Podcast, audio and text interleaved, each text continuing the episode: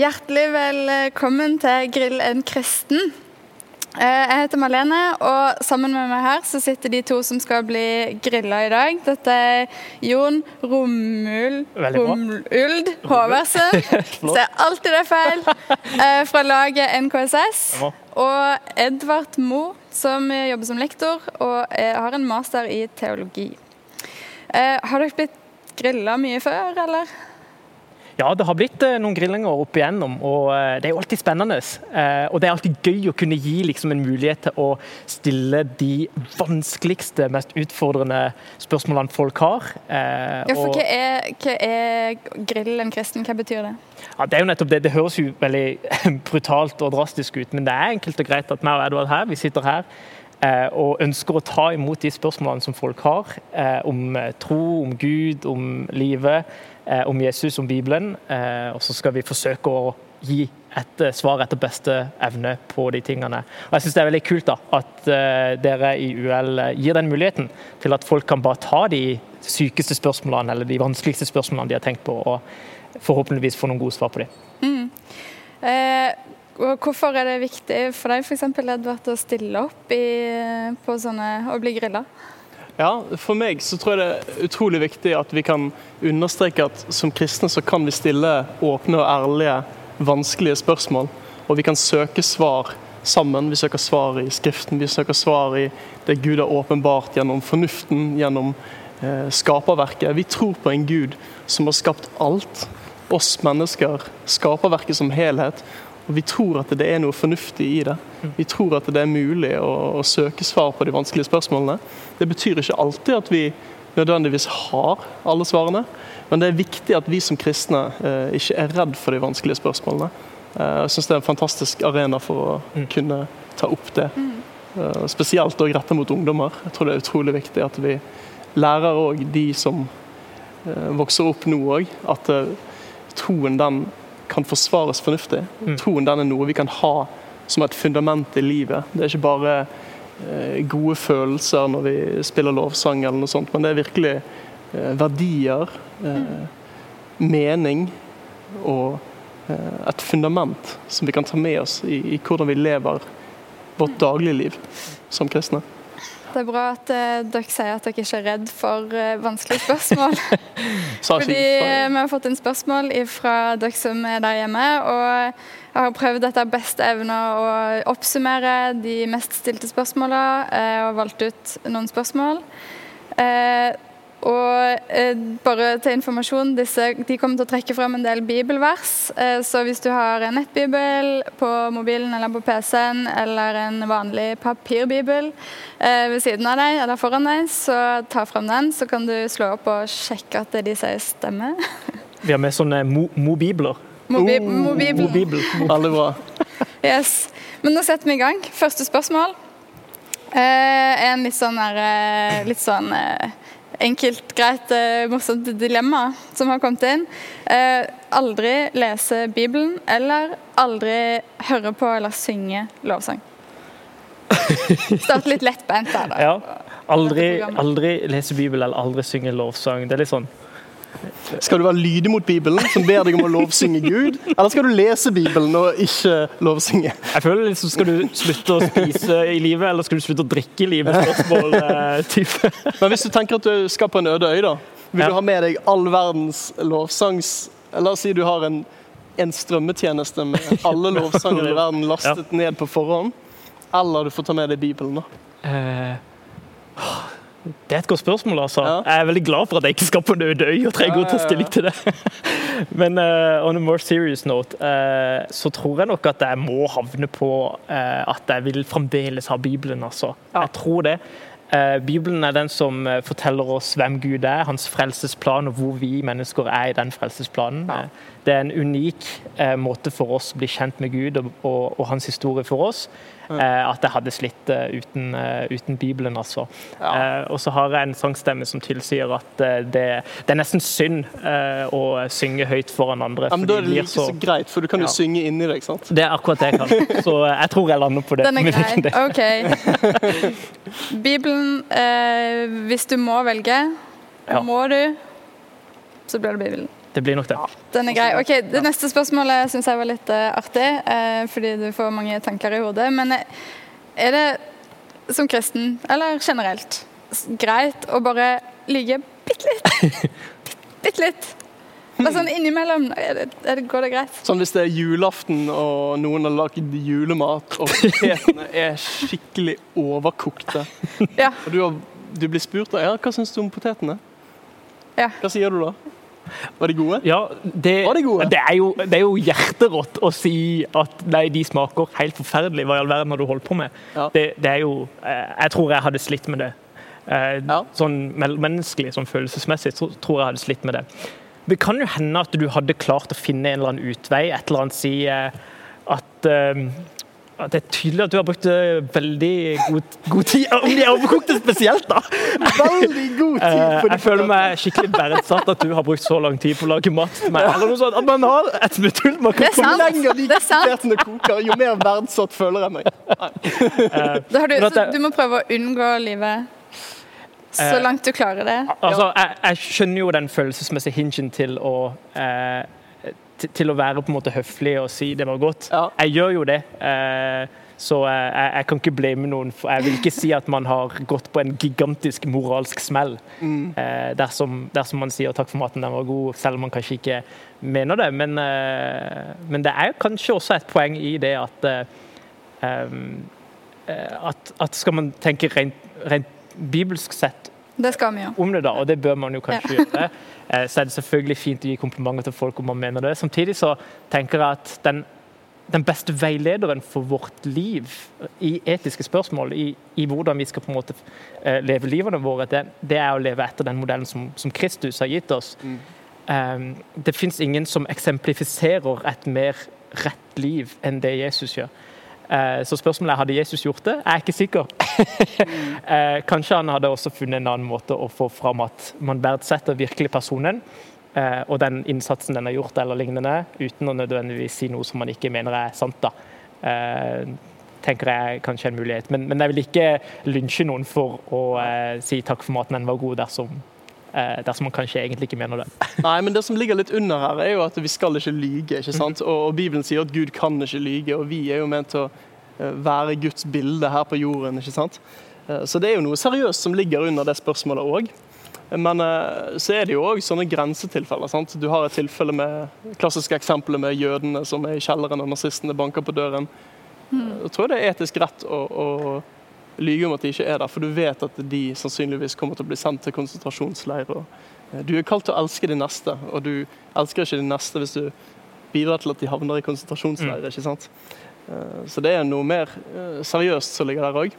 Eh, og det er virkelig noe seriøst som ligger i det å, å tale sant. Mm. Men det betyr ikke nødvendigvis at du skal være uhøflig. Nei. Mm. Ja. Uhøflighet, det man trenger liksom ikke på eget initiativ eh, å si 'den kjolen var dritstygg'. Ja. Men da lyver du ikke? Nei, du Nei ikke det. det sant. Den var fin. Du trenger ikke på eget initiativ å si at uh, noe var topp og fint, uh, hvis du egentlig mener det stikk motsatte. Ja. Um, men unngå, ja, unngå livet så langt det står til deg. Går det an å si det sånn? Ja. Ok, Vi tar neste spørsmål. Nå blir det litt, grann, eh, litt grann mer eh, seriøst. Eh, hvordan kan man vite at man er frelst? Mm. Oh, det, er et, det, er et, kjempegodt spørsmål. Frelsesvisshet og de tingene der er noe som stikker veldig dypt, dypt i oss. Og eh, mange kommer til meg og sier at de er litt usikre på hvor de står hen eh, med Gud. Har de fred med Gud? Eh, er de frelst? Og det er noe som jeg tror mange kristne kan kjenne på gjennom sine kristne liv at de er usikre på om de, de er, er, frelst. Og eh, Et par ting som jeg har lyst til å si om det. Eh, det første er at eh, jeg syns det er vanskelig å stille meg sjøl i den posisjonen og regne noen som frelst eller ikke frelst. Den komiteen sitter liksom ikke jeg i. Så jeg syns det er vanskelig å gi kategoriske svar om folk er frelst eller ikke. Jeg ser ikke i det usynlige, jeg ser ikke det. Eh, samtidig som at jeg, jeg, ser at Bibelen sier at om du bekjenner med din munn og tror i ditt hjerte, så er du mm. frelst. Det er en tilstrekkelig årsak til frelse. Mm. Eh, det, det, er det ene jeg har lyst til å si. Det andre jeg har lyst til å si, det er at jeg tror at om man går rundt og eh, har en slags brytekamp med dette her, er jeg frelst, er jeg ikke frelst, så tror jeg kanskje jeg vil si at da er man på god vei allerede. Mm. Eh, det viser iallfall at man er ikke likegyldig overfor sin relasjon med Gud. Man bryr seg faktisk om sin relasjon med mm. Jesus. Eh, og det tenker jeg er et veldig godt tegn da, på at man er frelst, mm. eh, på at man er en, en kristen. Eh, så går man rundt og tenker 'jeg er frelst, jeg er ikke frelst', så vil jeg si eh, det er et veldig godt tegn, i det minste. Og så ja. ja. Sorry. Beklager. Eh, siste ting som jeg tenker på i, i, forhold til dette her, er også at man gjerne kan tenke hvor mye tro skal til for å bli frelst? Tror jeg nok, liksom? Mm. Må jeg eh, eh, stramme trosmuskelen min enda hardere for å få skvist ut nok tro til å bli regna som en kristen? Eh, tenker jeg at noen kan tenke. Hvor, hvor mye tro er tro nok? Mm. For kanskje det, det, det, kan se ut som noen andre tror, mer. mer. Ikke sant? Mm. Eh, og så kan man lett sammenligne seg med hverandre sånn sett. Mm. Men kristen tro handler ikke om hvor mye man tror, men hvem troa er retta imot. da. Mm. Eh, om troa er retta imot Jesus eller ikke Jesus. Eh, mange opplever tvilsperioder. Det er en naturlig del av det å være en kristen. Mm. Og tvil er ikke farlig. Tvil handler om å ha to tanker i hodet samtidig. Mm. Og det er noe som er en del av det å være kristen. Men eh, kristen tro handler ikke så mye om hvor mye man tror, men hvem man retter troa si mot. Er det Jesus eller ikke Jesus? For å ta en parallell til Det gamle testamentet nokså kjapt, eh, så, så, er det en historie i Det gamle testamentet hvor israelittene blir bedt om å eh, male med blod over dørkarmen, og så skal Gud spare de førstefødte eh, i huset. Se for deg da at dette, dette kommer til israelsfolket, dette budskapet. Og så er det to naboer som møter hverandre ute i, eh, foran garasjen, holdt jeg på å si. eh, ute i hagen. eh, og så sier han ene til han andre Har du hørt det som Gud har sagt? Liksom? Vi, må, vi må male blod over dørkammen vår, så skal Gud spare oss. Mm. Og han ene sier det full av tro, full av tillit til Gud, full av frimodighet. Og er bare gønner på og er så tydelig i sitt ståsted. Mens han andre naboen han syns kanskje dette her er litt rart. Han får ikke dette her til å gå helt opp. Eh, men han tenker jo, kanskje, kanskje er det noe sånt i det. Kanskje er det sånn det er. OK, jeg velger å ha tillit til Gud. Jeg tviler litt, men jeg, jeg velger å ha tillit til, Gud, til, det Gud har sagt. Mm. Og begge to maler blod over dørkammen sin. Så blir de begge to spart, selv om den ene har en stor og frimodig tro, mm. mens den andre er en tvilende person. Ja. Eh, så blir de begge to spart. Og det tror jeg eh, gjelder oss kristne også. Så lenge vi fester vår tro på Jesus, så tror jeg vi blir frelst. Mm. Jeg tror Noe av det som kanskje ligger bak det spørsmålet, er at eh, Jesus sier f.eks. I, i Johannes kapittel 14 sier han at eh, den som elsker meg, det er den som holder mine bud. Og Så er det kanskje litt sånn at man kan begynne å lure. OK, jeg tror. Eller jeg tror jeg tror. Ja. Ikke sikker. Men så er det litt sånn at man opplever at man ikke alltid holder Guds bud. ikke sant? Så kan man begynne å lure. Elsker jeg Jesus? Mm. Tror jeg. Men så tror jeg også det er viktig å huske på at eh, Gud sier òg at vi får tilgivelse for alle våre synder. Eh, og Det er ikke sånn at det, det å tro og det å, å, holde bud betyr nødvendigvis at du eh, til enhver tid holder perfekt Guds bud. Det betyr at det fins tilgivelse og det fins mm. nåde. Mm. Det er basert på nåde. Og Derfor tror jeg òg det er der vi må se for å finne en løsning på dette spørsmålet. Så eh, Vi snakker ofte om at vi er frelst ved tro. ikke sant? Så Det betyr at hvis du lurer på om du er frelst, så er spørsmålet noe som har med tro å gjøre. Men som Jon sa i sted òg, det handler ikke om hvor sterk din tro er, men hvem du tror på. Vår tro kan, kan vakle, og vi kan ha eh, spørsmål som vi syns er veldig vanskelig. Men vi kan fortsatt velge å ha tillit til vår Gud. Og hvor Den tilliten trenger ikke kreve en absolutt visshet til enhver tid, sånn som Jon illustrerte med eksempelet. Det er, umulig å ha en komplett visshet. ikke sant?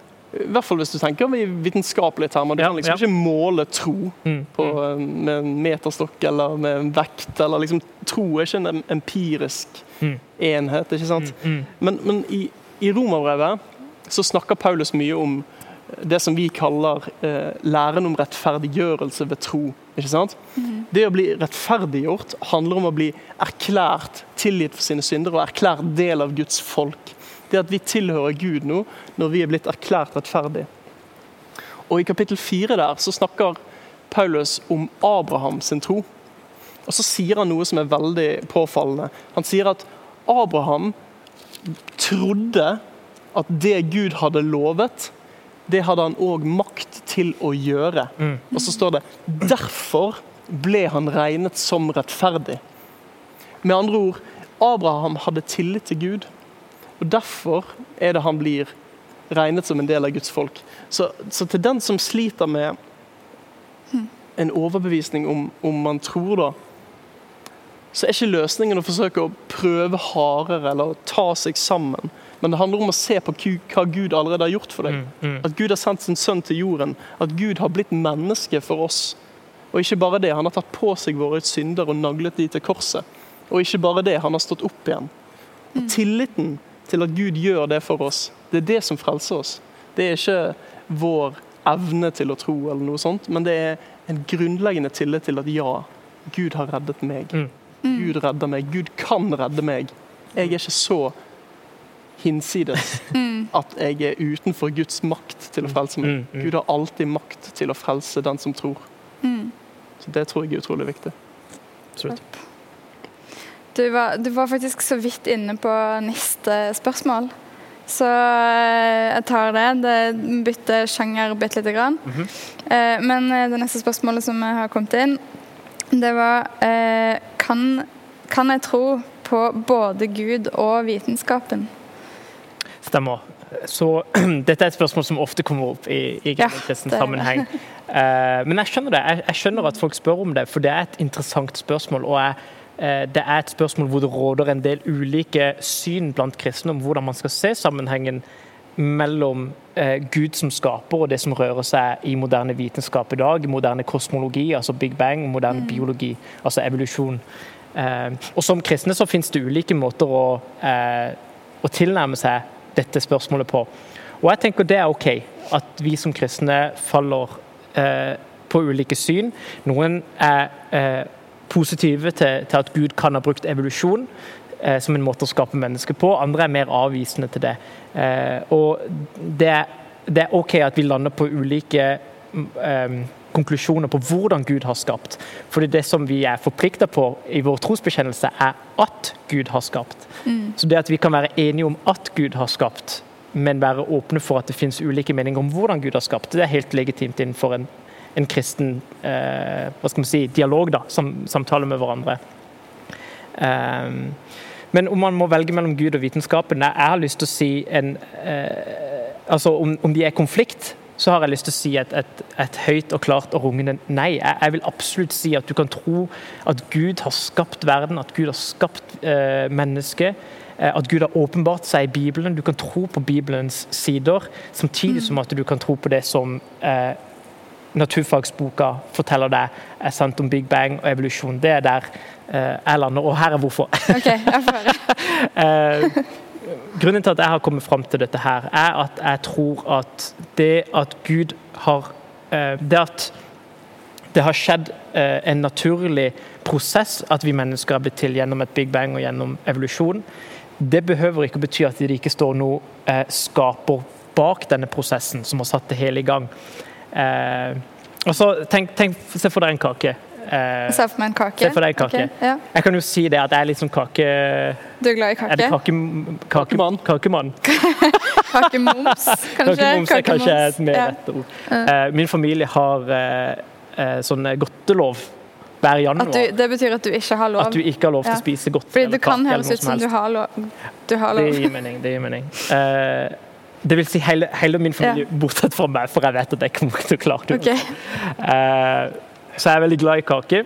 Og kake den kan du forklare på to ulike måter. Du kan eh, forklare det med eh, prosessen den har blitt eh, til på. Du kan si at du har tatt mel, sukker, kakaopulver, egg, melk Bakepulver, Bakepulver, ikke sant? ikke minst. Og så har du rørt dette sammen i en røre, lagt det i en form, putta det i ovnen i så, så mange grader. Så mange grader som det står bak på 225. Toro-posen. Ja. Okay. Eh, Vi må lage sånn der to Toro. uh, Jons kake. Jeg poster det på Instagram eh, etter Grillen kristen. Får du Jons eh, spesial. Men ikke sant, du, du kan vise til prosessen, Ja, og så har det til slutt blitt det ferdige produktet kake. Som står Mm. det var på sånn den kaka den, Det er sånn den kaka har blitt til. Ja. Men du kan også si Jon. Jon har bakt kaka. Hvorfor bakte Jon kaka? Ikke sant? Og, og det at du peker på eh, at jeg står bak kaka eh, Det er ingen som vil si at siden Jon står bak kaka, så kan det umulig ha vært en prosess. Og det er ingen som vil si at jo, men det har vært en prosess, derfor kan Jon umulig stå bak. Og Det samme tenker jeg i forhold til dette her med naturvitenskap. at Det at det har vært en prosess, betyr ikke nødvendigvis at det ikke står noen bak denne prosessen. Jeg takker Gud for maten på min tallerken hver eneste dag, vel vitende om at den er blitt til gjennom bønder som har eh, eh, lagd potetåkre, og den er blitt frakta over osv. At den har kommet der av naturlige årsaker. Eh, så jeg tror at det er mulig å opprettholde Gud som skaper, og samtidig tenke at eh, eh, det kan ha skjedd en utvikling naturlig. Og så er det mange som tenker i neste steg da, ja, men hva med Bibelen? Eh, Hva med de første elleve kapitlene? Eh, Hva med de første tre kapitlene eller to kapitlene av Bibelen? Skapelsesberetninga. Eh, går det an å tro på den når man har liksom evolusjon og Big Bang? Eh, og der vil jeg også si ja, altså. Eh, jeg vil si, eh, om jeg skal forholde meg kort, da, så vil jeg si at skapelsestekstene ikke nødvendigvis handler så veldig mye om hvordan vi er blitt til. Skapelsesberetningene er ikke en naturvitenskapelig håndbok som sikter til å fortelle oss hvordan vi er blitt til. Bibelen har helt andre spørsmål den ønsker å ta for seg, nemlig hvorfor vi er blitt til. Hva er hensikten bak oss, og hvem er det som har skapt oss? Gud. Eh, Så naturvitenskapen svarer på spørsmål som Bibelen ikke stiller, og Bibelen eh, svarer på spørsmål som naturvitenskapen ikke stiller. Begge to er ypperlige kilder til hvordan Gud har skapt, men de svarer på ulike ting. Naturvitenskapen forteller oss hvordan, Bibelen forteller oss hvorfor og av hvem. Sier meg eh, veldig enig. Det er så bra, takk. Betryggende. Jeg tror vi, må, vi må huske på som kristne at naturvitenskap er et fantastisk verktøy. Mm. Jeg tror Som kristne så, så har vi ingen grunn til å snakke ned naturvitenskap på noen slags måte. Eh, tvert imot, med utgangspunkt i en tanke om at Gud har skapt verden, så har han også skapt oss som mennesker som skal fungere i den verden. Derfor må vi ha evnen til å kunne eh, observere ting rundt oss. Vi må ha evnen til å kunne bruke den verden som Gud har skapt, til å videreføre hans skaperverk som kreative mennesker. Da. Mm. Og, og jeg tror naturvitenskapen er et fantastisk verktøy som en del av den, det oppdraget som mennesker har fått, å forvalte skaperverket. Så jeg tror på ingen måte vi som kristne skal snakke ned vitenskap. Jeg tror vi skal være i høyeste grad eh, fremmere av Snakke den ned, eller kanskje være vær redd for Vi trenger virkelig ikke være redd for det. ja. Mm. Og det tror jeg ofte er tilfellet, at man gjerne er litt redd, for man opplever kanskje at det er en trussel mot Bibelen eller mot kristen gudsforståelse osv. Eh, Men det tror jeg bare er konstruert, altså. Eh, Jon forklarte, eh, ga en god case her for hvorfor. Mm. Det, det er en, eh, en slags opplysningstidsoppfinnelse. At man ser for seg at det er et slags motsetningsforhold her. Men eh, tradisjonelt sett, altså kristne har forstått verden som Guds skaperverk, og derfor, nettopp derfor, eh, må vi gå ut og utforske. Nettopp derfor må vi bruke det Gud har skapt, til å videreføre skaperverket. Mm. Til å videre være kreative skapere i Guds bilde. Da. Mm. Og tror også som kristne eh, så har vi god grunn til å tro at det er eh, mulig å ha naturvitenskap. Mm. Hvis, du, hvis du tenker deg en, en eh, verden uten noen skaper, da, som bare er til, ja, at mennesket ble til uten noen overordna hensikt, men bare gjennom evolusjon. Det fins ingen eh, bevissthet som ikke bare er liksom, kjemi i hjernen osv. Så. Mm. så kan man tenke seg at det virker som at siden evolusjonen da er styrt mot overlevelse som sitt primære mål, Mm. at fornuften vår òg skulle være styrt mot det samme, nemlig overlevelse. Og ikke sannhet. Og ikke sannhet, f.eks. Og hvis vi er eh, skapt i Guds bilde, derimot, så gir det mening at han har gitt oss kognitive evner og kognitive eh, fakulteter til å kunne utforske det han har skapt. Så jeg tror som kristne nok en gang at vi desto mer skal fremme naturvitenskapen. Og vi har et godt og solid eh, for å bruke et litt fancy ord, epistemologisk OK, fundament. det må du forklare. Ja, liksom, vi har et godt fundament for hvordan vi kan tilnærme oss muligheten for at vi skal kunne vite noe om naturvitenskap. Hvordan vi skal kunne vite noe om naturen. Nettopp fordi vi er skapt som mennesker med en bevissthet, med eh, en evne til å erkjenne det rundt oss. Mm. Og Det er forankret i tanken om at vi er skapte vesener, om at vi er skapt i Guds bilde, og at vi skal derfor utforske det skaperverket som Gud har puttet oss i. Så Gud er faktisk en god grunn til at vi kan si at at vi kan vite noe om naturen, vi kan Mm. vite noe om, vi kan resonnere, vi kan forstå noe og søke etter Mm. det som er sant. Yes. Og Det er jo det som har skjedd gjennom historien også, at en del forskere har tenkt at siden det er Gud som er skaperen, som har, har gitt inn naturlover, at man kan forvente en orden eh, i universet som gjør det mulig å undersøke det Mm. Gud har skapt. At man har tenkt på Gud som eh, opphavet til alt som er sant. All sannhet er Guds sannhet, og vi bekjenner oss til Han som sier 'jeg er sannheten'.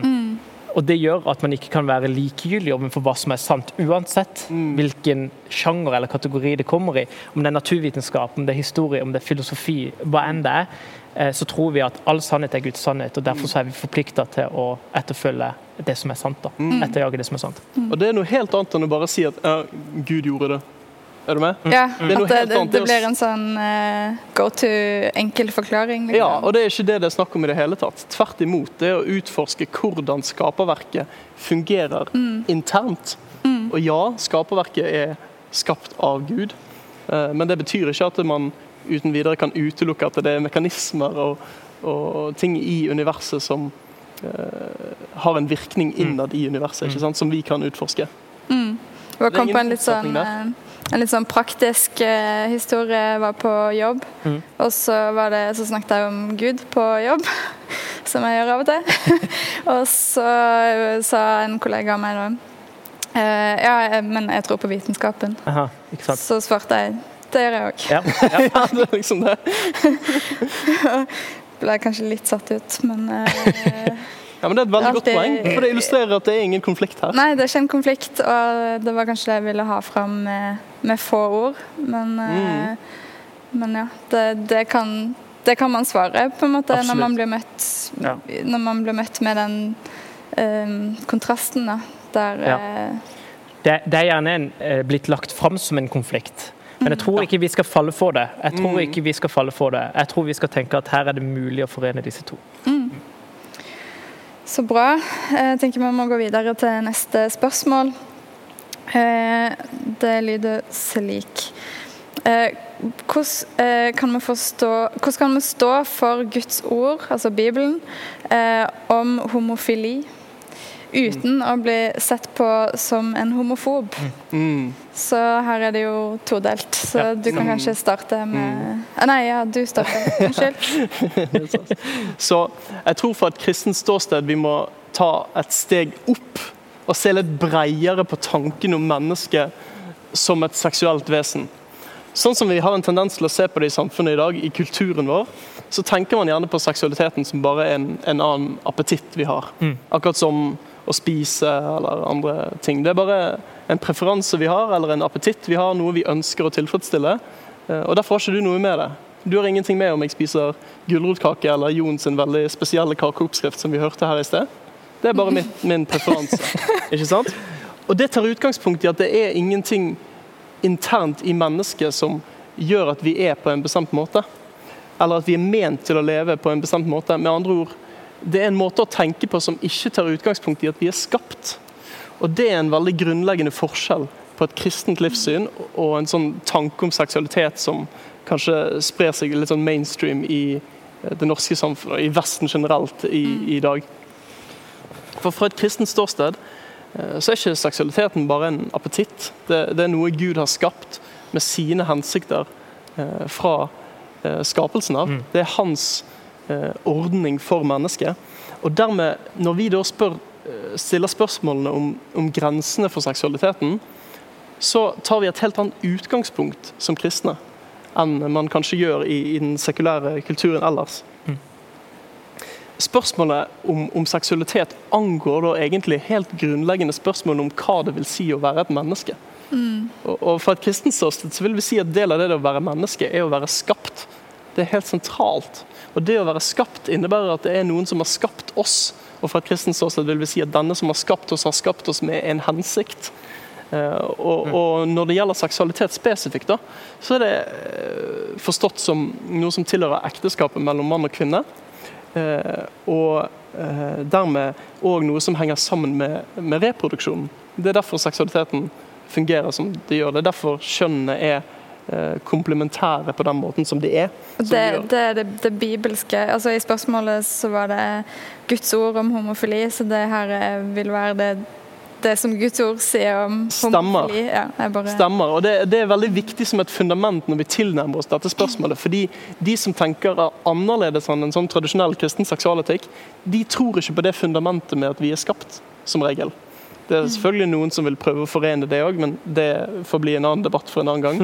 Men, men hvis vi tar utgangspunkt i at det er forskjellige tilnærminger, da, så blir det dermed eh, et annet eh, resultat på det spørsmålet eh, fra et kristent ståsted, nemlig at seksualiteten tilhører ekteskapet mellom mann og kvinne. Eh, Men det er viktig å understreke at det handler ikke om at kristne syns at noen er ekle eller fæle på den måten. Det er ikke sånn at kristne får noen som helst rett til å mobbe eller snakke ned eller gjøre narr av eh, folk med, som er tiltrukket av samme kjønn, f.eks. Eh, kristne har ingenting med å komme med eh, nedsettende, hatefulle, respektløse kommentarer. Kristne har ingenting med å bruke eh, legning eh, og den slags som eh, skjellsord. Vi er kalt til å elske vår neste. Vi er kalt til å virkelig eh, støtte opp om og lide med. Og være i fellesskap med som menighet. De som eh, er med oss. Uansett hva kjønn de er tiltrukket av. Og Derfor kan ikke vi som kristne holde på å, å snakke ned om folk på den måten. Mm. Det er helt utelukket. Enig. Og, og eh, jeg ville reagert veldig sterkt om jeg opplever at eh, at, at homo eller lignende blir brukt som et skjellsord i mine kretser. Jeg, jeg ville ha stått opp for det og tenkt at dette her, er, dette her holder ikke.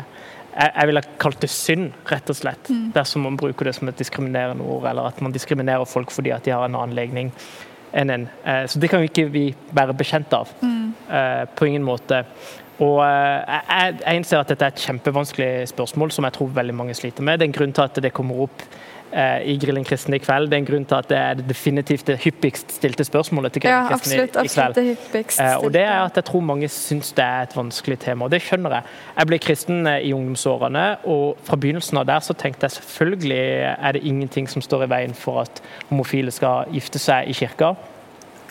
Eh, og så gikk det litt tid, så begynte jeg å lese Bibelen, og så ser jeg at ok, her, her snakker Jesus og Paulus faktisk om disse tingene, og da må jeg ta stilling til det. Og for min del så har jeg også landa på at Bibelen gir en ramme av ekteskapet til å være mellom en mann og en eh, kvinne.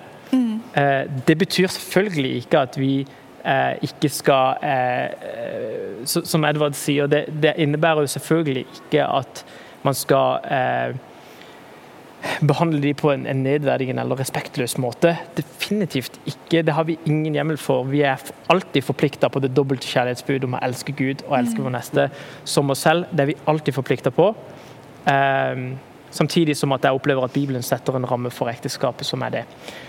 Og så er jo tilleggsspørsmålet hvordan gjør man dette her uten å oppleve at man er homofobisk? Ja, for det er jo sikkert det mange opplever hvis Ja. de skal stå for et syn på homofili som Bibelen legger fram. Ja, ja. At det, det veldig fort blir, blir tatt personlig, eller Mm, til og med klart. mot noen som ikke har homofile følelser sjøl. Heller. klart. ehm, Eh, og det, det tror jeg mange kjenner på. Eh, og jeg tror mange kanskje også syns det er vanskelig å si at man er kristne ut på skolene og sånt, i frykt om å få dette spørsmålet og i frykt om å få dette stempelet. Eh, samtidig så tenker jeg også at et veldig vesentlig poeng i dette her er at vi lever i et mangfoldig samfunn hvor mennesker med ulike meninger, ulike verdier, møtes sammen og skal leve i fred med hverandre. Det er det samfunnet vårt er bygd opp på. Og jeg er veldig takknemlig for det. Jeg føler meg privilegert som får lov til å være en del av et sånn type samfunn.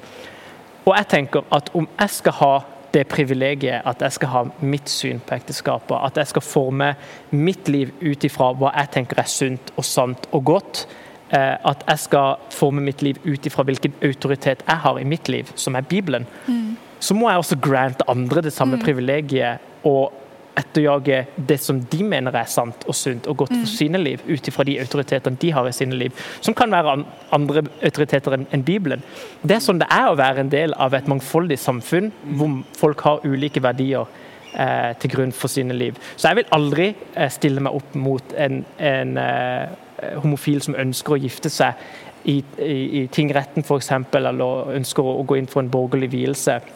Det har ikke jeg noe med. Eh, men det blir noe annet når folk kommer til meg og sier Jon, vil du, som, som en framtidig prest eller pastor, jeg går teologistudiet, Ja, ja, ja. eh, vil du vie det? Eh, så må jeg si nei, det kan ikke jeg, jeg gjøre. Men samtidig så vil jeg respektere andre folk og ha rett til å forme sine liv, ta sine egne valg ut ifra hva de mener er sunt og sant. Om ikke blir jeg en hykler. Eh, at jeg skal ha, få privilegiet å ha mine meninger, men jeg skal ikke tillate andre å ha det. Eh, det, det tror jeg ikke eh, er godt da, for samfunnet vårt. Takk. Um, nå eh, skal vi ta ett sitt siste spørsmål. Vi har ikke sånn kjempegod tid igjen, men uh, vi ser hva vi greier. Ehm, og det, også, det går på seksualitet, det òg. Og spørsmålet som kom inn, det var uh, hvor går grensa for hva sex er for noe? Så det er jo enkelte som kanskje syns dette her er vanskelig, for de er gjerne i, i et forhold og uh, man er tiltrukket av hverandre, og man er ikke gift ennå, og kanskje man opplever at det er en stund til at man er gift, og så begynner man å lure hvor går egentlig grensen. ikke sant? Hvor er det? Uh, og det gir jo mening at man lurer på det. Eh, men jeg tror Bibelen snakker om sex som noe som tilhører ekteskapet. Eh, og det er ikke vilkårlig, men det er faktisk fordi eh, for en kvinne sånn, Hvis vi tenker vekk fra prevensjon og sånne ting, sånn biologisk sett for en kvinne så innebærer det å ha sex en reell sjanse for å bli gravid, og dermed få et barn, og dermed være forplikta til det barnet resten av livet. Og Derfor gir det mening for et kristent ståsted for mannen, før han blir med på denne handlingen, å gjøre en lik livslang forpliktelse. Og det kaller vi ekteskap. Det er å elske sin neste som seg sjøl og gifte seg.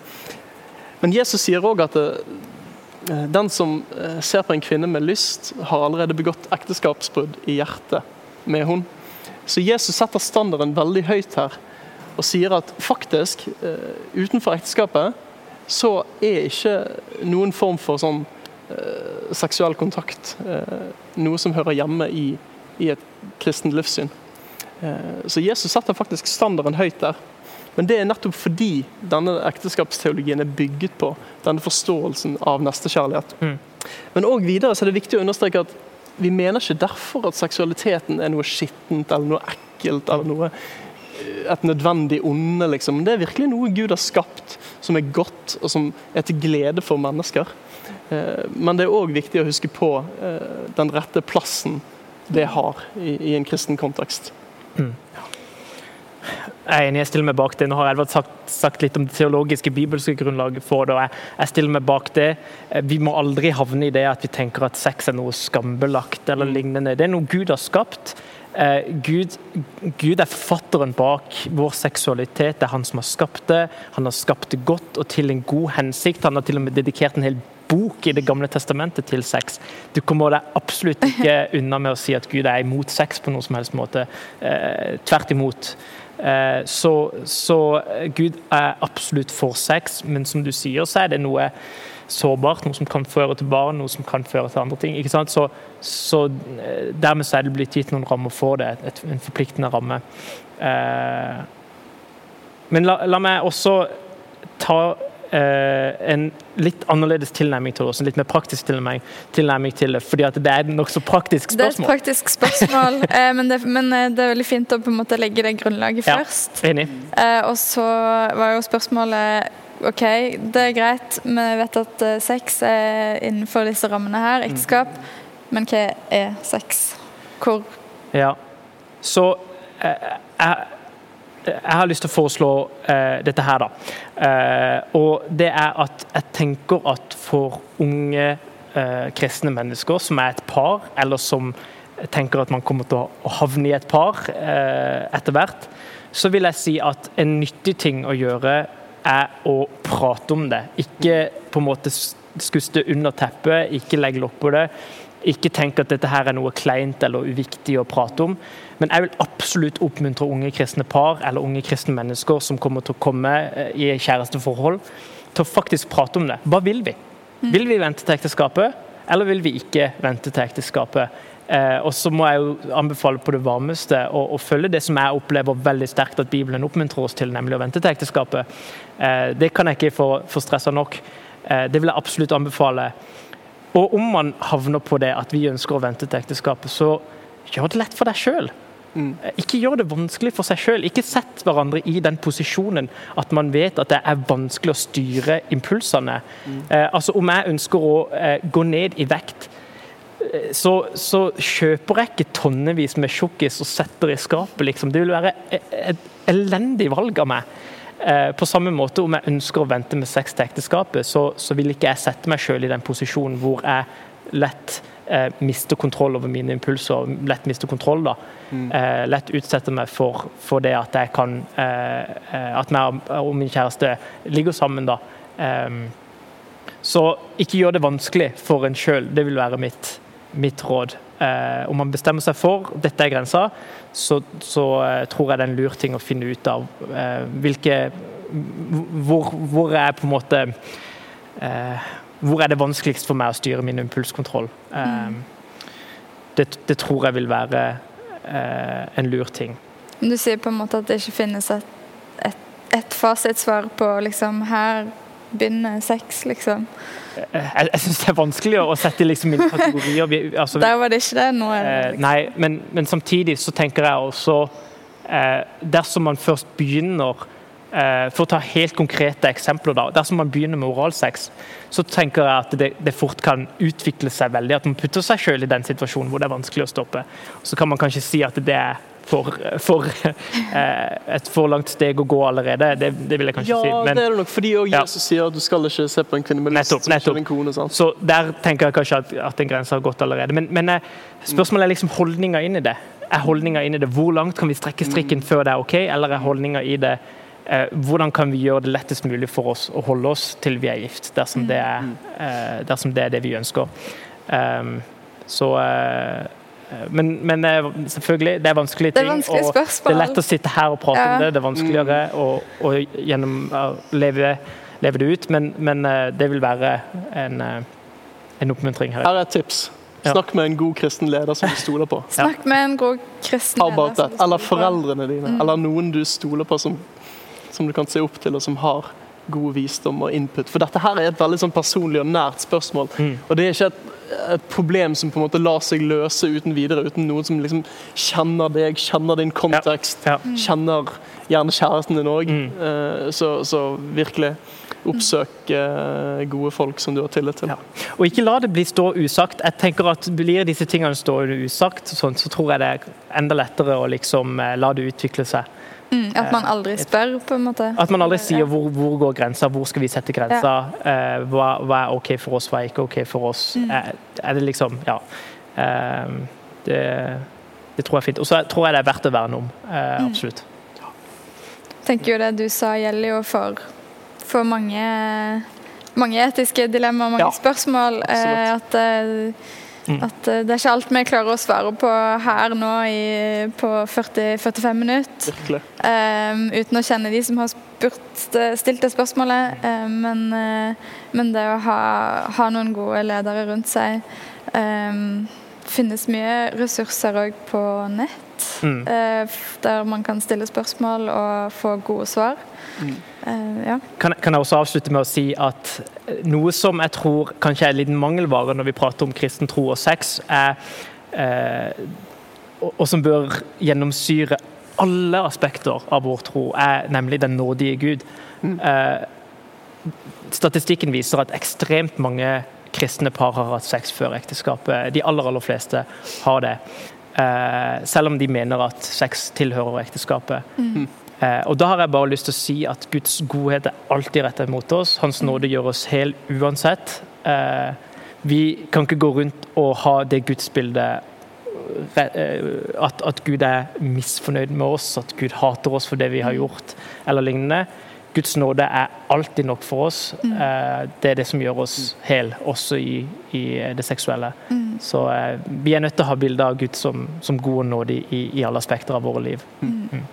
Jeg tror vi må avslutte denne kvelden her med det spørsmålet. Tusen takk for at dere stilte opp. Det setter vi veldig pris på. Og så må, jeg bare beklage for alle de som sendte inn spørsmål som vi ikke fikk tid til å, snakke om. Um, men sånn ble det i dag. Og så håper vi at eh, du får svar på de spørsmålene som du lurer på. Og veldig kult at dere har stilt så mye spørsmål. Det setter vi veldig pris på. Fortsett å stille spørsmål. Uh, og prøve å finne svar. Så det er en, eh, et godt tips å avslutte kvelden med? Uh, så da sier vi takk for oss. Takk for nå.